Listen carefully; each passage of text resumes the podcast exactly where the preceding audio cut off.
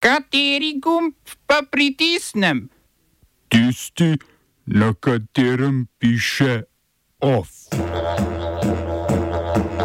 Francija iz Nigra umika veleposlanika in imperialistično vojsko. V Španiji protest proti nameri premijeja Pedra Sančeza za amnestijo katalonskih separatistov. Začetek begunskega vala Armencev iz Gorskega Karabaha.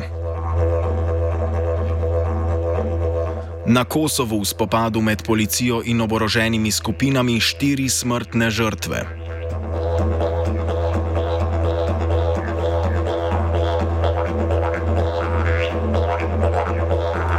Francoski predsednik Emmanuel Macron je sporočil, da bo Francija iz Nigra umaknila veleposlanika, več diplomatov in svoje vojaške sile.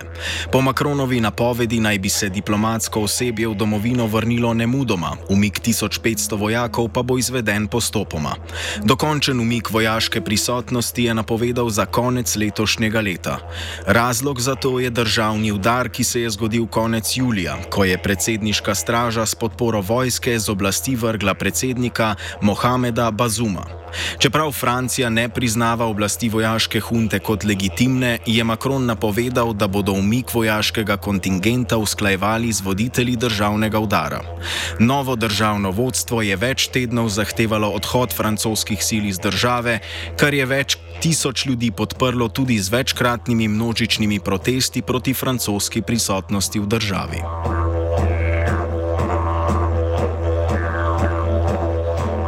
Parizu je več deset tisoč ljudi protestiralo proti policijskemu nasilju. Protest, kateremu je pozvala levičarska stranka LFI, se je zgodil tri mesece po vsedržavnih protestih zaradi umora najstnika Nahela Merzuka strani policije. Protestniki so izrazili svoje nasprotovanje členu 435.1 kodeksa o notranji varnosti, ki je bil uveden leta 2017 in ki policajem ob osumljenčevem neupoštevanju njihovih navodil navodil omogoča uporabo streljnega orožja. Po poročanju policije se je v prestolnici več sto protestnikov odmaknilo od osrednje protestniške skupine ter napadlo policijsko vozilo in razbijalo bližnja poslopja. Sindikati so število vseh protestnikov v Franciji ocenili na dobrih 80 tisoč, vključno s 15 tisočimi v Parizu. Notranje ministrstvo pa je, kako pak, to število protestnikov zreduciralo na zgolj 30 tisoč. So true.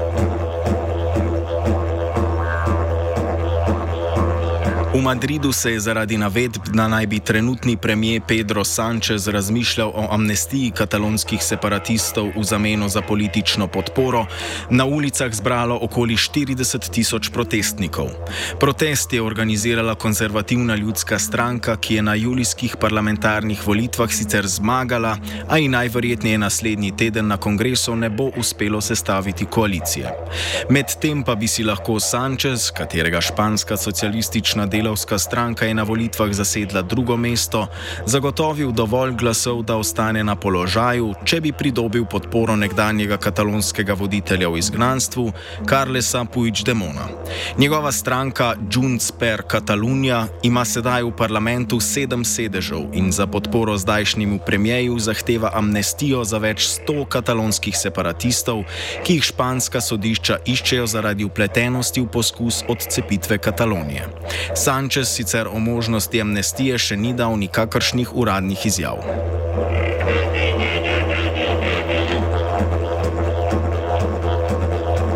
Izraelske okupacijske sile so včeraj na zahodnem bregu v bližini mesta Tulkarem v Raciji v begunskem taborišču Nur Shams ubile dva palestinca. Napad je izraelsko vojaško poveljstvo upravičilo z izjavo, da so poskušali uničiti skladišče bomb v posesti palestinskih uporniških skupin, ki naj bi se nahajalo v taborišču. Ločeno od omenjene operacije je Izrael v nedeljo izvedel tudi več napadov z droni v Gazi. Od začetka leta je bilo strani strani izraelskih okupatorjev ubitih že več kot 200 ljudi.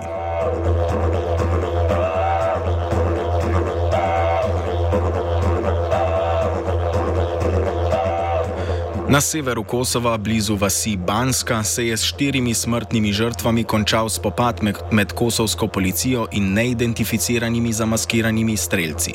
Ubit je bil en pripadnik policije in trije napadalci, ni pa še znano, ali so kosovske oblasti aretirale vse napadalce. Streljski obračun se je začel v zgodnih nedeljskih urah, ko je kosovska policijska patrulja na stovornjaki blokiranem mostu padla v zasedo oborožene skupine. V spopadu je bil ubit en policist, dva sta bila poškodovana. Po navedbah kosovskega premijeja Albina Kurtija se je na to skupina 30 močno oboroženih profesionalnih napadalcev zabarikadirala v bližnji pravoslavni samostan. Policija je na to samostan po več urah izmenjave strelov zauzela, pri čemer je zasegla večjo količino orožja.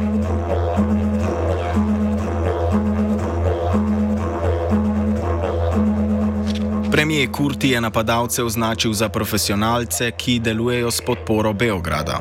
Njegov bratranec po funkciji, srpski predsednik Aleksandar Vučić, je obsodil umor kosovskega policista in dodal, da srpska vojska in policija napa pri napadu nista imeli nič.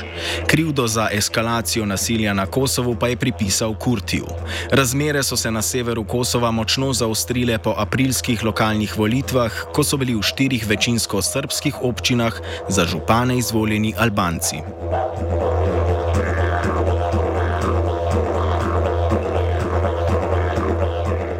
Libijski državni tožilec je v okviru preiskave poplav, ki so se zgodile kot posledica porušenja dveh jezov v okolici mesta Derne, ki nista zadržala povečane količine padavin, odredil pridržanje osmih uradnikov.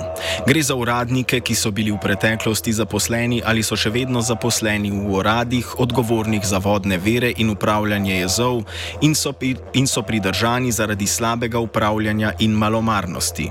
Med njimi je tudi župan mesta mesta Erna Abdulmenan al-Gaiti, v katerem je po zadnjih podatkih življenje v poplavah izgubilo okoli 3800 ljudi, več kot 10 tisoč pa jih je pogrešanih. Poškodbe na obeh jezovih so sicer ugotovili že leta 1998. Popravila so se začela leta 2010, a jih je prekinilo NATO-vo bombardiranje Libije leta 2011, tako da se nikoli niso nadaljevala.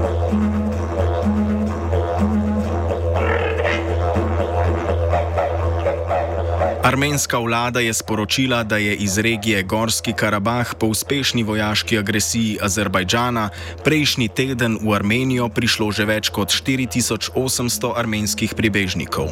Operacijo je Azerbajdžan začel prejšnji torek z namenom izgona armenskih separatističnih borcev iz regije. V četrtek so se že zgodila prva pogajanja med separatističnimi oblastmi in azerbajdžanskim vodstvom. Razglašena je bila začasna prekinitev ognja. Armenija se je distancirala od separatističnih borcev, ki po dogodkih prejšnji teden postopoma zapuščajo regijo. Vodstvo etničnih Armencev v Gorskem Karabahu je sporočilo, da bo omogočilo prost prehod meje za vse tiste, ki želijo oditi v Armenijo. Armenski premijer Nikol Pašinjan je že prejšnji teden sporočil, da je država pripravljena sprejeti okoli 40 tisoč beguncev.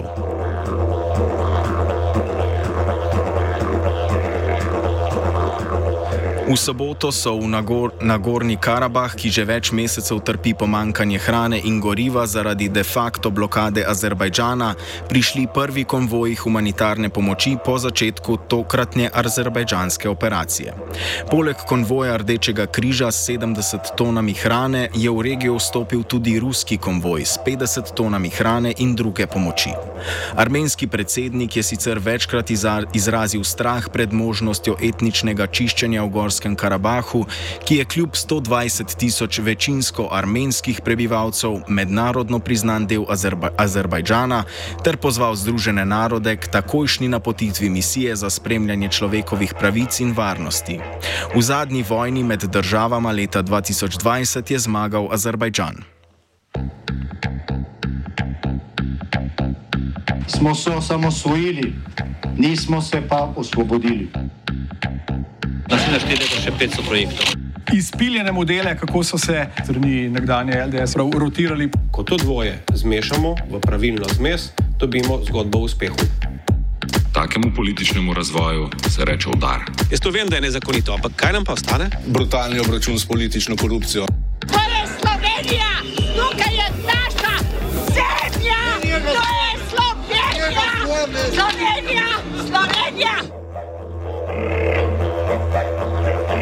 Poslanci so na redni seji državnega zbora v petek z 69 glasovi proti zavrnili predlog dopolnitve zakona o lokalnih volitvah, ki bi omejil število županskih mandatov na največ dva zaporedna. Predlog, ki ga je vložila piratska stranka, je podprla zgolj levica in en poslanec stranke Gibanja Svoboda.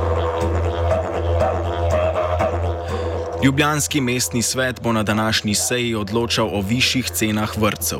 Ker na mestni občini predvidevajo, da bodo imeli vrtci to leto dobrih 9,9 milijonov evrov več stroškov kot v letu 2022, želijo vrčevske programe podražiti za 27 odstotkov. 15 odstotkov podražitve bodo nosili neposredno starši, preostanek bi občina krila s tako imenovano draginsko subvencijo. Opozicijski svetniki levice Pravice in Vesne, ki dodatni finančni obremenitvi staršev nasprotujejo, so predlagali umik točke z dnevnega reda. Stranka le Svetnica levice Petra Blajhribar Kubo predstavi drug način, s katerim bi občina lahko pridobila dovolj denarja za kritje podražitev. Možnosti je sicer več, razmišljam, mogoče bi se dal pobrskati, če malo po proračunu. Proračun mestne občine je težek več kot 500 milijonov. Um, verjetno so vrtci oziroma vzgoja otrok v vrtcih pomembnejši od kakšne investicije. Um, potem druga možnost je seveda, da bi občina razmislila o tem, kako oziroma v kolikšni meri sofinancira privatne, zasebne vrtce, ki jih trenutno financira podobno kot javne. Um, mi smo mnenja, da bi lahko Eh, financiranje oziroma sofinanciranje zasebnih vrtov potekalo samo v tistih notah, kjer je zatečeno stanje oziroma kjer je preveč otrok upisane v javne eh, občinske vrtce. In še ta tretja možnost je seveda, da se ponovno obrne na državo, da bi lahko zaprosil za pač pomoč pri sofinanciranju vrtcev. Sicer um, mi se zavedamo, da država ne bo mogla pokriti vsega, zavedamo se tudi, da ne bo prispevala samo k proračunu oziroma ne bo prispevala samo k mestni občini Ljubljana, pa bo redno to bil državni projekt. Kar pa vemo, so pa sicer mislim, da vse slovenske občine na uh, državo naslovile prošno, no, s tako namero, da bi pač država pomagala pri sofinanciranju. OF je pripravil Filip.